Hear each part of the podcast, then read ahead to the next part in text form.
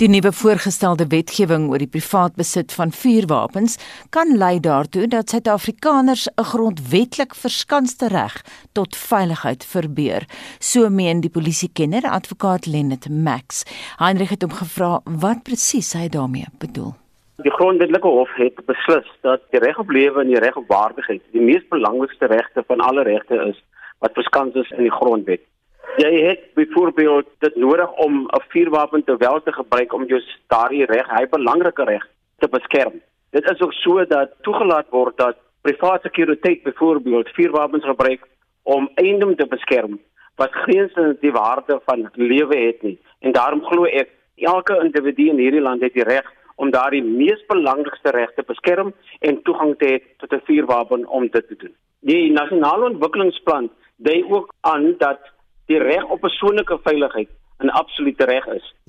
Lenet, wat leer ons uit misdaadstatistieke oor waarom selfverdediging belangrik is in Suid-Afrika? 58 mense word daagliks gedood as gevolg van geweldmisdaad. En daar's 'n afname in die vertroue in die polisie volgens die Victims of Crime Survey wat gedoen was in 2018 dat 8% afname is in die polisie se vertroue is 54% vir die afgelope 6 jaar wat vasgestel. En daarom is dit belangrik dat gegee die feit dat die polisie nie in staat is om hierdie misdaad te, te om ons te beveilig nie, is dit so dat die private sekuriteit vanaf 2011, 2012 boekjaar van 427000 tot die 18-2019 boekjaar na 534000 gegroei het. Dit wys dat hulle nou meer vertroue het om 'n uh, 'n private sekuriteit om hulle veiligheid te verseker.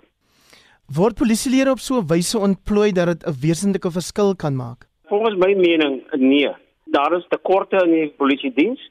Daar is uh, ongeveer uh, 187000 polisielede waarvan 40000 in die kantore werk en 147000 ontplooi word op 1150 polisiestasies.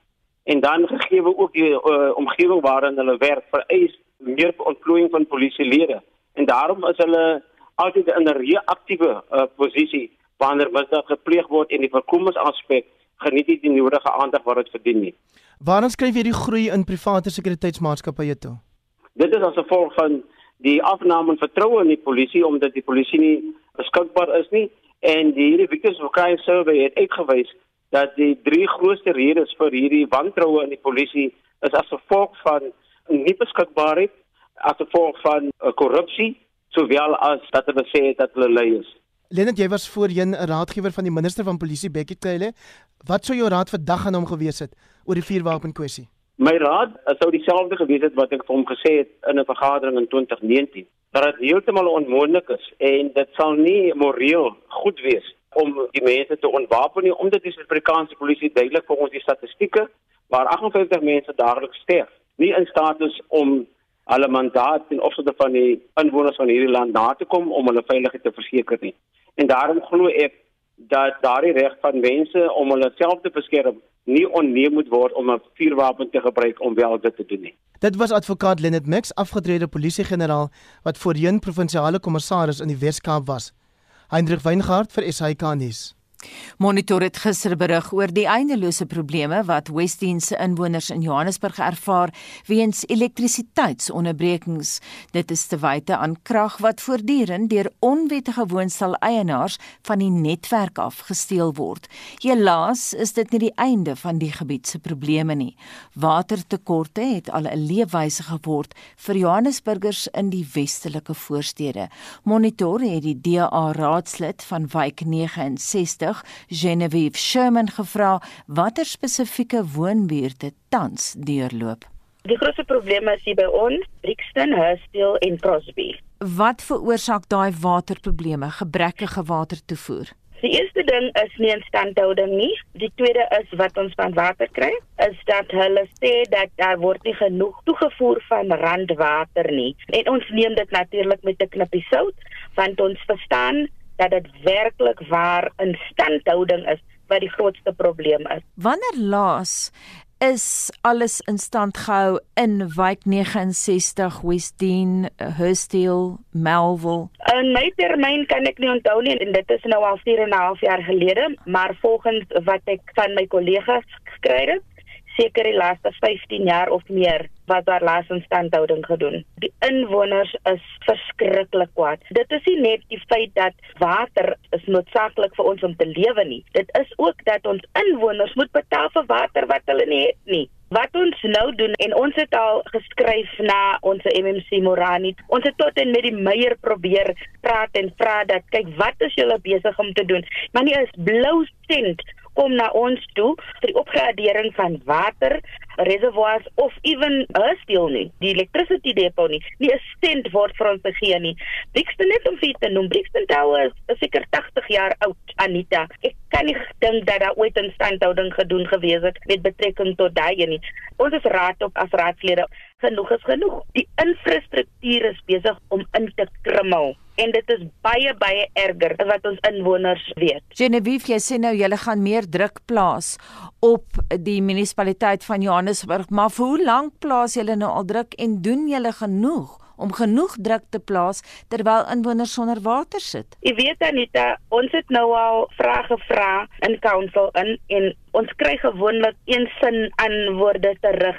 Ons het byvoorbeeld individueel as raadslede het ons geskryf na jou MNC Morani wat verantwoordelik is. Ons het na die meier toe geskryf. Julle laat ons nou geen keuse oor. Ek dink die beste is nou om te protes om seker te maak ons kry hulle antwoord. Maar ongelukkig wanneer iemand nie in beheer is van die geld nie, is dit baie baie moeilik en dit is wat die mense op die oomblik is. Die ANC is in beheer van die geld en as duidelik duidelik as daar sekere van ons areas wat net hoe sê hulle in Engels hulle neglect ons net. Hulle gee net nie om nie. Jy weet waar Wema Pen is byvoorbeeld. Ja. Daai straat is weg hoe hy het ingetuimel. Hy's weg. Dan is daar nog 'n straat in Rodepoort hulle roep hom Niktumi hy's weg hy't ingetuimel. Die inwoners word nie genoeg daarop aande gebring om te sê kyk hierso dit is die infrastruktuur wat ons binnekort moontlik o ja en dan Mareisburg ook. Daar's 'n straat wat weg is daar ook Dit is alles 5 km weg van ons af. Ek wil nie spreek omtrent die infrastruktuur met betrekking tot elektrisiteit en daai nie. Dit is dit is 'n nagmerrie, 'n nagmerrie. En so sê Genevieve Sherman, sy is die DA se raadslid vir Wyk 69 in Johannesburg, wat onder meer die voorstede Hustel, Mayfair, Westdene en Melville insluit. Monitor het nog geen reaksie ontvang van Paul Morane, die burgemeesterskomitee lid vir infrastruktuur nie, ten spyte van herhaaldelike versoeke om kommentaar te lewer op Johannesburg se krag- en waterprobleme. Die bekende epidemioloog professor Salim Abdul Karim het die mediese sektor gevra om hospitale en gesondheidswerkers voor te berei op 'n derde golf van die koronavirus. Karim waarsku ook teen selfvoldaanheid. We are expecting to get a third wave and we are expecting it to hit its peak uh, towards the end of June. So we know that the way in which a wave unfolds is that it takes a foothold in one or two provinces initially. In the first wave, it started off in the Western Cape. In the second wave, it started off in the Eastern Cape. In the third wave, it seems to have started off in between the Northern Cape, Free State, and Gauteng. We are, in effect, in the third wave, or you know, entering the third wave, if you're going to look at it like that, although parts of the country are well into the third wave. And the indicator for that is that we've crossed the threshold for low transmission, which translates roughly to around 3,000 cases per day, and that's on a seven day moving average. We've crossed the positivity rate, and we have maintained a high number of tests, which is very important. We've got to be looking at increasing our daily testing. We're now at about 34,000. Hy sê die koers waarteen mense positief toets is allerbelangrik om te bepaal hoe die pandemie vorder. So one of the ways you adjust or deal with the variability in testing is that you look at instead of the number of cases, you look at the proportion of tests that come back positive. Now, the WHO has set a benchmark of around five as the target to have. In other words, you have one test positive for every uh, 20 that you do.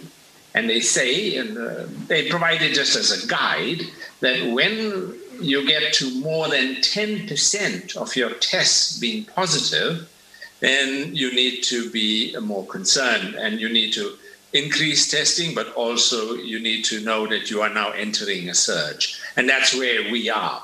We are, if you look at the seven day moving average, we are around the 10% mark. And so, all in all, you look at three indicators the number of tests that we're doing, the positivity rate, and the number of cases. We look at admissions only later because there's a lag. Admissions take a little longer before they rise. So, those three markers, by those three markers, we are in the third wave. Yeah. Karim sê verder dat die COVID-gevalle waarvan ons weet dalk net 10% van die werklike getal is. So we have to draw the distinction between the number of people who were infected and the number of cases. So when we want to measure the number of people who've been infected, we do a different test. It's called an antibody test.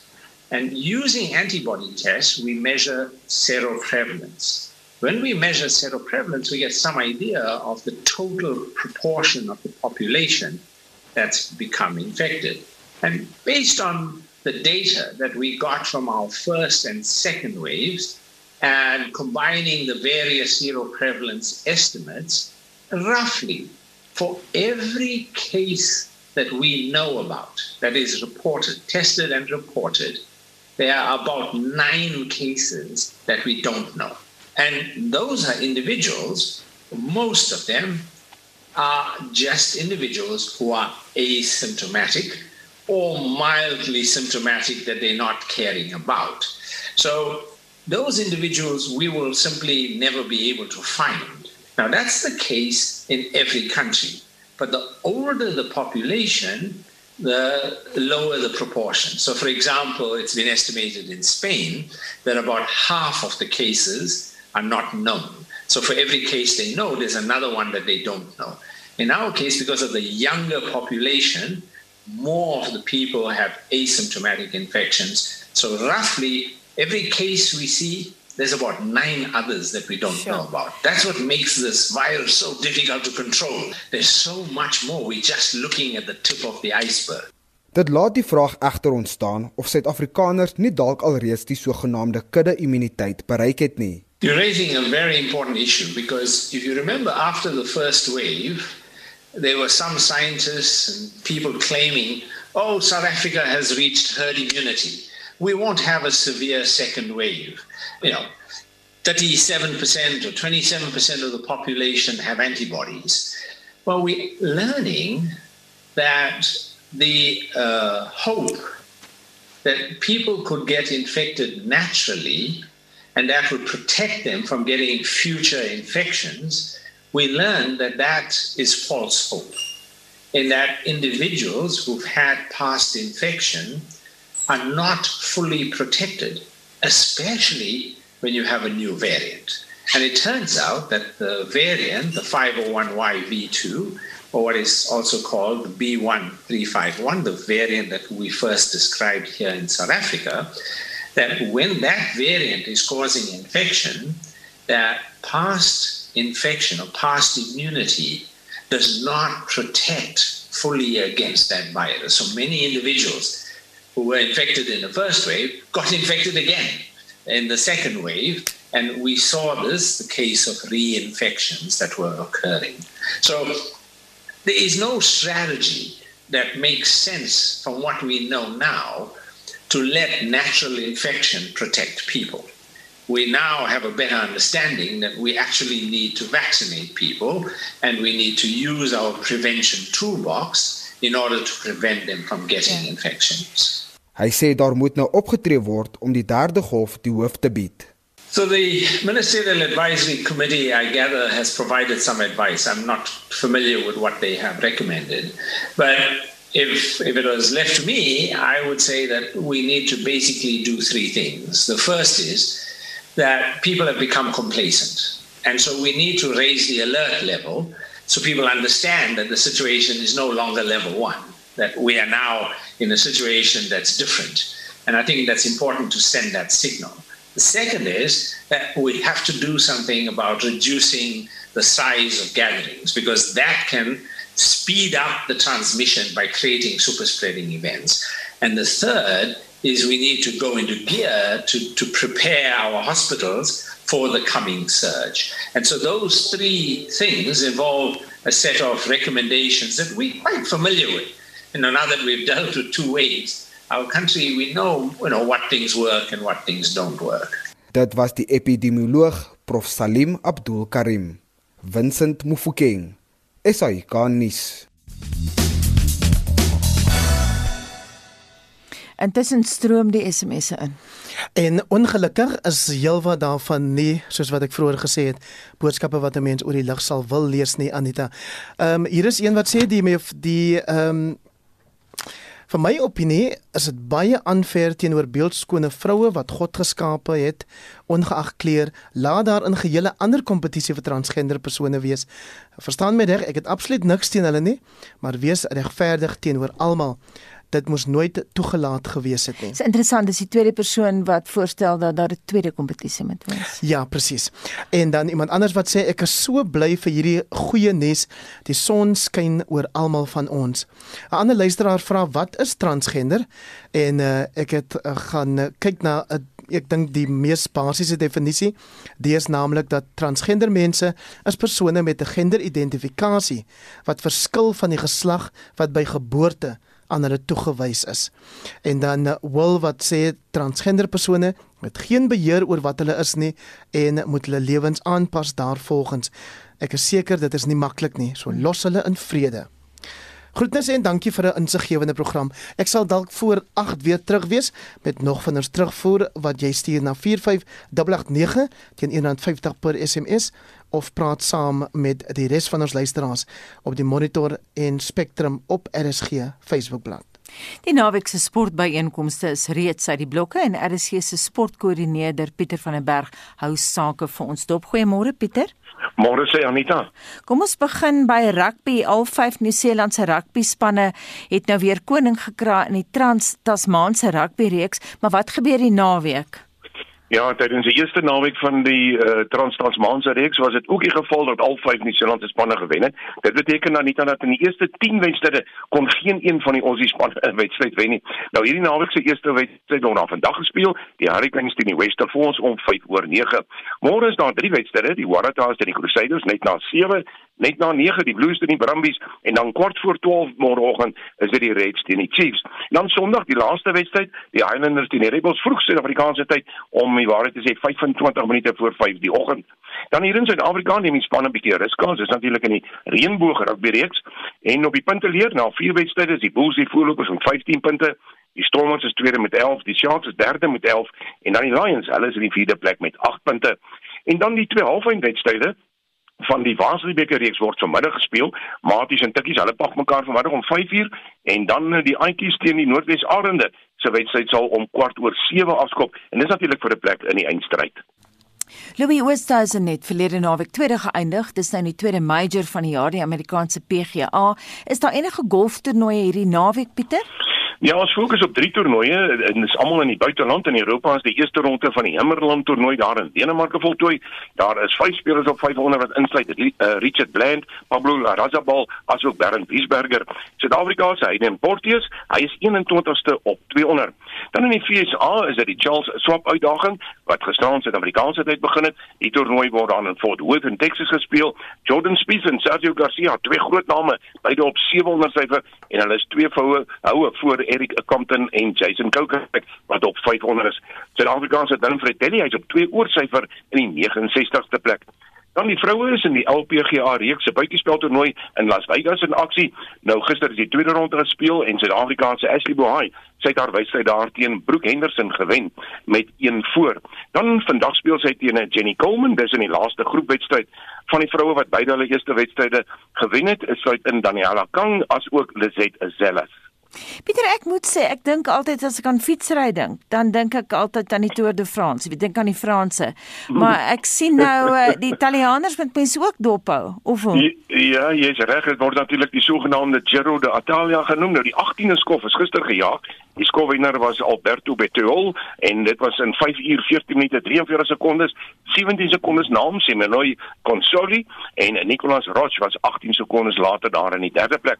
Algeheel is Bern Gomez van Colombia steeds die voorloper.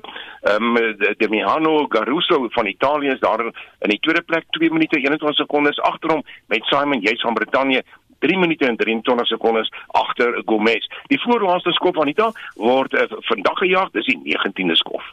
Komende naweek begin die Franse Ope tennis toernooi in Parys. Waar skaaf die spelers nou in die opbou tot hierdie Grand Slam toernooi? Ja, en die ATP reeks van maande is die fokus op Servië. Nou gister in die kwarteinde het uh, Dusan Lajovic vir Andre Martin in drie stelle geklop die plaaslike speler Novak Djokovic. Hy het 'n maklike oorwinning van 6-1 en 6-strook oor Federico Garcia behaal. Dan Alex Molcan het in twee stelle met Fernando Verdasco afgereken en Andre Martin, het in drie stelle het hy geseef hier oor Dusan Lajovic. Dan in Strasbourg in uh, Frankryk is dit die internasionale vroue toernooi wat uh, gespeel word. Die kwartfinale is gister voltooi en die vier vroue wat hier is na die halffinale toe is Jenny Meyer, Barbara Krejcikova, Magda Linet asook Sorana Cristia. En dan verlede naweek het jy gefokus op Formule 1 wedrenne. Pieter, nou verskuif die aandag hierdie naweek na motorfietsse toe? Mhm, ja, jy is korrek, dis die MotoGP wat weer 'n uh, sy beurt kry. Hierdie keer is dit in Italië daar op Mugello en dit is vir die Italiaanse Grand Prix. Die hoofwedren word Sondag gejaag, dis om 2:00 die middag. Die wegspring vir Slaaste, hy sal luisteraars gereeld op hoogte van gebeure. Op die punteleer in MotoGP is Fabio Quartararo op sy Yamaha die voorloper met 80 punte met uh, Francesco Bagnaia op sy Ducati in die tweede plek op 79. Suid-Afrika se Brent Bittner, hy staan 11de uit 24 punte en dan in Moto3 is dit Petro Acosta wat die voorloper kopers op sy KTM op 103 punte met Suid-Afrika se Darren Binder op 'n Honda daar in die 8ste plek, hy tans 36 punte. Eergister in die Europese Liga eindstryd het Villarreal die doeluitskietstryd teen Manchester United met 11-10 gewen. Watter ander sokkernuus het jy vir oggend vir ons Pieter? Ja, kom ons doen dan gisteraand se Premier Liga, dis Orlando Pirates wat 'n oorwinning van 1-0 oor Amazulu behaal het. Dan in FIFA se internasionale venster het Turkye vir Azerbaijan met 2-1 uh, losing gegee.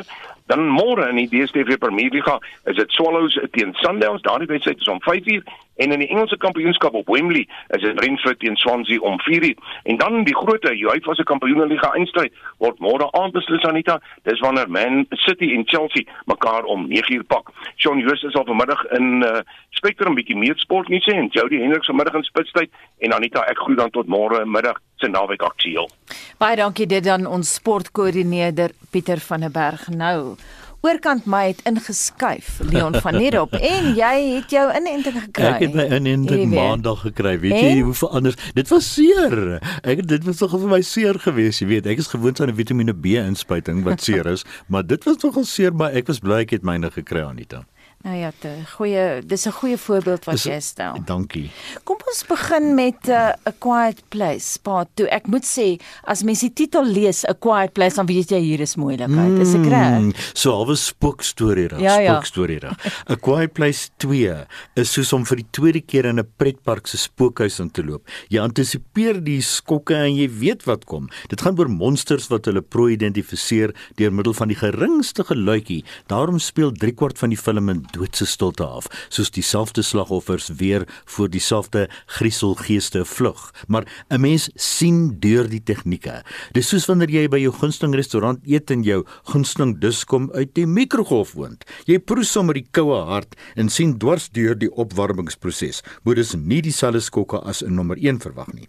A Quiet Place Part 2 wat in teaters wys, speel met stilte. Jy kan jou hare hoor groei so stil is dit. Te veel voete loop sweetjies vir ongelyke grond.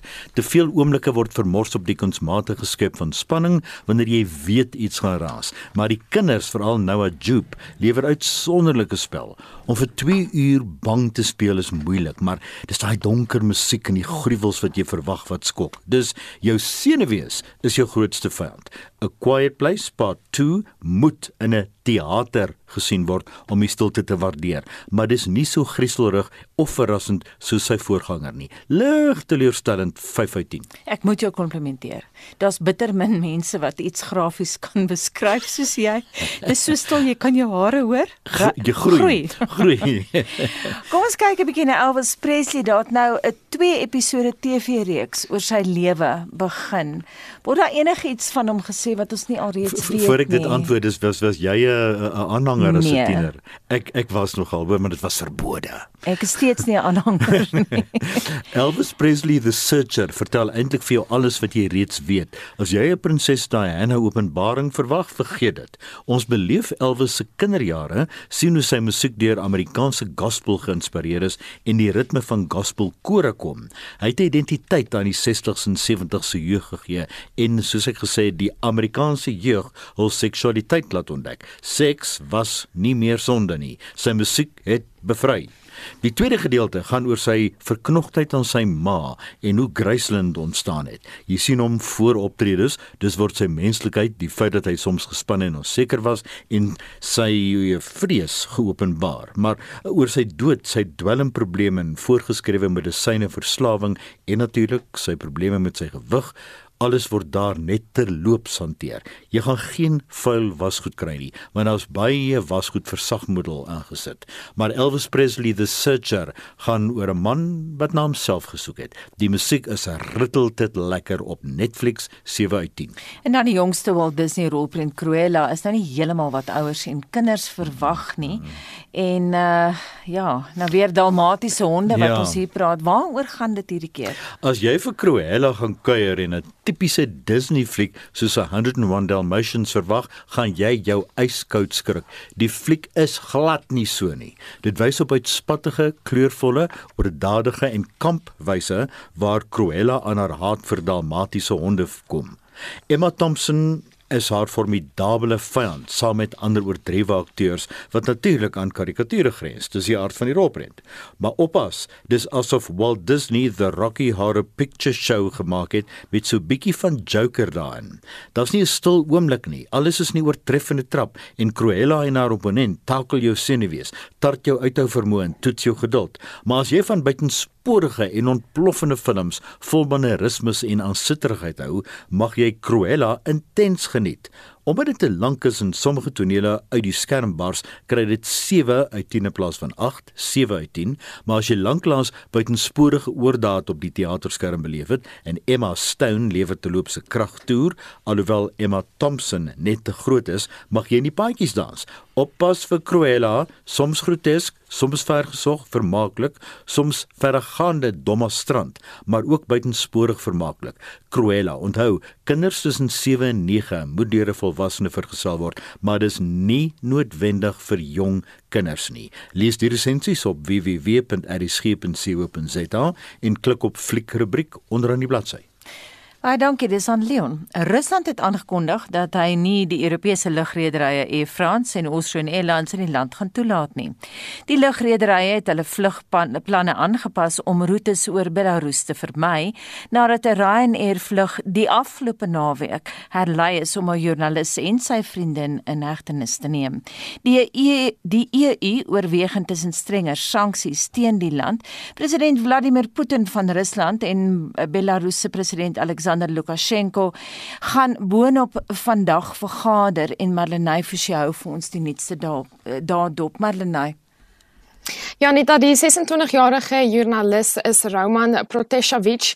Hy het 'n groot rol gespeel in die uitsendings van die massa-betogings teen Lukasjenko. Nou, honderde duisende inwoners het verlede jaar landwyd betoog teen die uitkoms van die verkiesing. Hulle het beweer dat daar verkiesingsknoeiery plaasgevind het.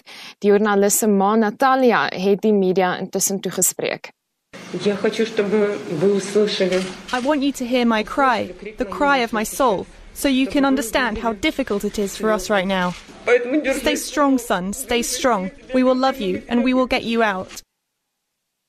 Nou sy ouers en ander rolspelers by die media konferensie waar sy ma gepraat het, vrees vir sy lewe en sy gesondheid in aanhouding. Intussen het die oppositieleier Svetlana Tikhanovskaya haar opnuut uitgespreek teen die jongste verwikkelinge in Belarus. We demand the land borders of Belarus to be opened for the free movement for Belarusian citizens, since the regime cannot be allowed to turn the country into a prison for 9 million people. Dit was Svetlana Tikhanovskaya, uh, sy is president Alexander Lukasjenko se oppositie in die land. En dan gaan ons na Hong Kong waar die mediamagnaat en Beijing kritikus Jimmy Lai tot 14 maande tronkstraf gefonnis is. Hy het 'n kernrol gespeel in die massabetogings teen die omstrede wetgewing uit China en dit het bepaal dat inwoners van Hong Kong aan China uitgelewer moet word vir vervolging. En die 14 maande is bykomend tot sy huidige tronkstraf van 14 maande. So hy gaan 2 jaar en 4 maande in die tronk deurbring. Intussen is groot veranderinge aangebring aan die gebied se verkiesingsstelsel. Die aantal wetgewers wat direk verkiesbaar gestel word, word nou beperk en dit word beskou as 'n bedreiging vir demokrasie. 'n Woordvoerder vir die demokratiese kandidaate het so gereageer. For the Democratic Party, we're still discussing within our party on our road forward. Whether or not we will join the election, it is still too early to call. En ons het verwikkelinge daar ook dop. Nou gaan ons na ons eie kontinent in Goma in die DRK het 10000 mense hulle wonings nou ontruim uit vrees dat die afgelope naweek se vulkaniese uitbarsting som gaan of hulle gaan herhaal en minstens 32 mense is daar dood. Ja, en dan nou is die baie stampvol vlugtelinge wat opnuut vrees vir hul lewens. Authorities have said that people should follow the routes and directions on where to go in the event of an eruption. They said people should leave without panicking so as not to cause death or accidents. But unfortunately, when people see some fleeing, They go because they're afraid. A crack appeared just behind my house, a very big one that had to be covered up by people with stones. This morning, the authorities said that wherever there are cracks, the inhabitants must move. They told us to evacuate and go to Sake. At first, we were reluctant, but then we saw that everyone was leaving. Kommer oor waar al hierdie mense nou gehuisves gaan word neem toe en ook daar hou ons die jongste verwikkelinge dop. En dan gaan ons na die Midde-Ooste. Die VN het aangekondig dat ondersoek ingestel gaan word na die konflik tussen Israel en Hamas in die Gaza-strook. Honderde mense is dood in die konflik en die besluit word verwelkom en daar is vanuit sekere oorde lof vir die VSA se benadering. Ja, Amerika is bekend vir sy ondersteuning van Israel, maar hulle gee toe dat die uitsetting van Palestynë uit Palestynse woongebied nie sonder kritiek aanvaar kan word nie. Nou die benadering lok gemengde reaksie uit onder Amerikaanse inwoners in die gebied. We're like the Native Americans coming home. We're the indigenous people. The Arabs are latecomers. But and the Biden administration says you're taking the land of Palestinians. Yeah, that's exactly what they're saying. They've got it completely backward. The dialogue did not include us, and if it did, it always had us in a negative picture, us being the Palestinians. A lot of uh, American, especially American Jews and American Jewish left, saw the police beating up Palestinians and saw the riots and so forth, and saw George Floyd. It's similar. There are also fundamental differences because we're at war. Soos die Amerikaners in Israel oor die Biden administrasie se benadering tot die Gaza-konflik. En dit was Marlenae met wêreldnuus gebeure. Die hoofredakteur en uitvoerende direkteur van die Woordeboek van die Afrikaanse taal, Dr Willem Botha, het 'n tyd gelede die uitdrukking "vat jou goed in trek" in sy rubriek behandel. Dit het groot belangstelling geprikkel en daarom speel ons dit vanoggend weer. Om te verhuis in die inperkingstyd kan stresvol wees, veral as jy dit met kinders en troeteldiere doen. In 'n artikel in die Burger oor so 'n trekkery met die opskrif "Vat jou goed en trek", word ook aandag gegee aan maniere om die angs van trek vir troeteldiere te verminder. Veral katte word baie gespanne en moet die eerste 2 weke binne die nuwe blyplek gehou word. Die eerste paar dae moet hulle in een kamer gehou word en daarna eers toegang tot die res van die huis kry. Wanneer hulle uiteindelik uitgelaat word, moet hulle fyn dop gehou word dat hulle nie na die ou verblyf probeer terugkeer of net eenvoudig wegloop nie. Vat jou goed en trek Ferreira se herkoms word uiteengesit in die boervrou van Oktober 1926. 'n Ryk boer van Somerset Oos, ene meneer van Aard, se buurman was 'n Ferreira. Die welgestelde van aard koop toe Hoepelbeen Ferreira se plaas. maar hy kon hom nie so ver kry om die plaas te verlaat nie. Dit was later die grap van die buurt en 'n verleentheid vir die nuwe eienaar van die plaas. Van Aard se dogter, Ada, en Annie Maloney, 'n begaafde klavierspeler wat tydelik by die Van Aarts gewoon het, het toe 'n plan gemaak. Ada het die woorde van "Vat jou goed en trek Ferreira" geskryf en Annie het dit getoonset. Toe nooi hulle die hele buurt na 'n dans en Ferreira was ook daar. Mevrou Maloney het die liedjie gesing en naderhand het al die gaste lustig saamgesing, wel wetende waarop dit sin speel. Hoepelbeen Ferreira was woedend en het die dans verlaat. Die volgende dag het Ferreira inderhaas van die plaas pad gegee, daartoe gedwing deur die liedjie waarin sy naam vir ewig was. En dit dan Willem Botha, die hoofredakteur en uitvoerende direkteur van die Woordeboek van die Afrikaanse taal. As jy 'n woord wil borg of koop, besoek www.wat.co.za of Google eenvoudig borg 'n woord. Die nalatenskap van die ontslape kultuurman en menseregte kommissaris Dr Danny Titus word môre hier in Johannesburg met die tweede aflewering van 'n eerstejaarlikse gedenklesing deur die Dak netwerk wat hy gestig het vereer. Heinrich Weingart het meer. Titus het in September verlede jaar gesterf nadat hy vir lank in 'n koma was. Hy het voor sy hospitalisering as hoof van korporatiewe aangeleenthede by die ATKV afgetree maar dit was in sy rol as uitvoerende direkteur kultuur wat hy sy merk gelaat het. Professor Nico Koopman, visierektor sosiale impak, transformasie en personeel by die Universiteit Stellenbosch, was verlede Saterdag die hoofspreker by die Kaapse aflewering van die gedenklesing. Ek is innig dankbaar dat ek vir soveel jare die lewe met Denitaites kon meemaak in verskillende verbande. Ek het Denny leer ken as 'n lid van die beleidende kring, 'n beweging van hoofsaaklik gereformeerde Christene wat die gereformeerde teologiese bronne wou ontsluit in die stryd teen apartheid. Koopman sê Titus het in aansluiting by artikel 1 van die Bellaar belydenis waardeur apartheid vanuit 'n kerkverband veroordeel is, die lewe saam met mekaar beklemtoon en beliggaam. Die saam, die solidariteit, die ubuntu, die eenheid wat hy gesoek het, was eenheid in diversiteit, eenheid in nabyheid, eenheid in interaksie, eenheid ten spyte van historiese vyandskap, eenheid ten spyte van verdeeldheid. Hy sê die US en Titus het oor die jare in sy rol by die ATKV, sowel as die van stigtersvoorsitter van die Dak netwerk, goed saamgewerk veral met betrekking tot transformatiewe sosiale impak deur die US woordfees. Die US bly verbind tot die kwessies wat Titus na in die hart gelê het. Ons wil graag praat oor taalgeregtigheid in opsigte van geïgnoreerde tale soos inheemse Khoi en San tale. Ons wil praat oor die onderbeklemtoonde geskiedenis en kennis van mense wat verontmenslik is en tot slawe gestempel is. Mense soos hulle na wie die dak netwerk vernoem is, Domanemoa, Auchumwa en Krutua elkeen met 'n pynlike geskiedenis wat nou nog hard uitroep om helende restituisie. Ook in aansluiting by die bestaanshede van DAK wil die US binne die raamwerk van die rassigheid saam met ander rolspelers fokus op bepaalde uitdagings en kwellinge wat hulle in spesifieke gemeenskappe in veel hoër mate manifesteer, onder meer in breingemeenskappe. Ons wil binne die raamwerk van nie rassigheid oor kleurgrense heen. Saam fokus op spesifieke sosiale uitdagings en kwellinge wat hulle in spesifieke gemeenskappe in veel hoër mate manifesteer. Onder meer in breingemeenskappe. 'n verbintenis tot saam beteken dat ons oor grense heen saam spesifieke gemeenskappe se spesifieke sosiale kwellinge en krisisse aanspreek. Ons het dus nog 'n vol agenda gehad wat ons identiteit is gesamentlik wou hanteer.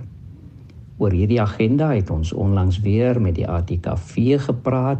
Oor hierdie agenda praat ons in Junie met dak se bestuur. Dit was professor Nico Koopman, visierektor sosiale impak, transformasie en personeel by die Universiteit Stellenbosch. Die Johannesburgse aflewering van die Danny Titus gedenklesing môre word deur Dr Nico Botha van Unisa behartig, terwyl die voormalige menseregte kommissie lid Dr Leon Wessels ook as 'n spreker sal optree. Hendrik Weingart, SAK-nuus.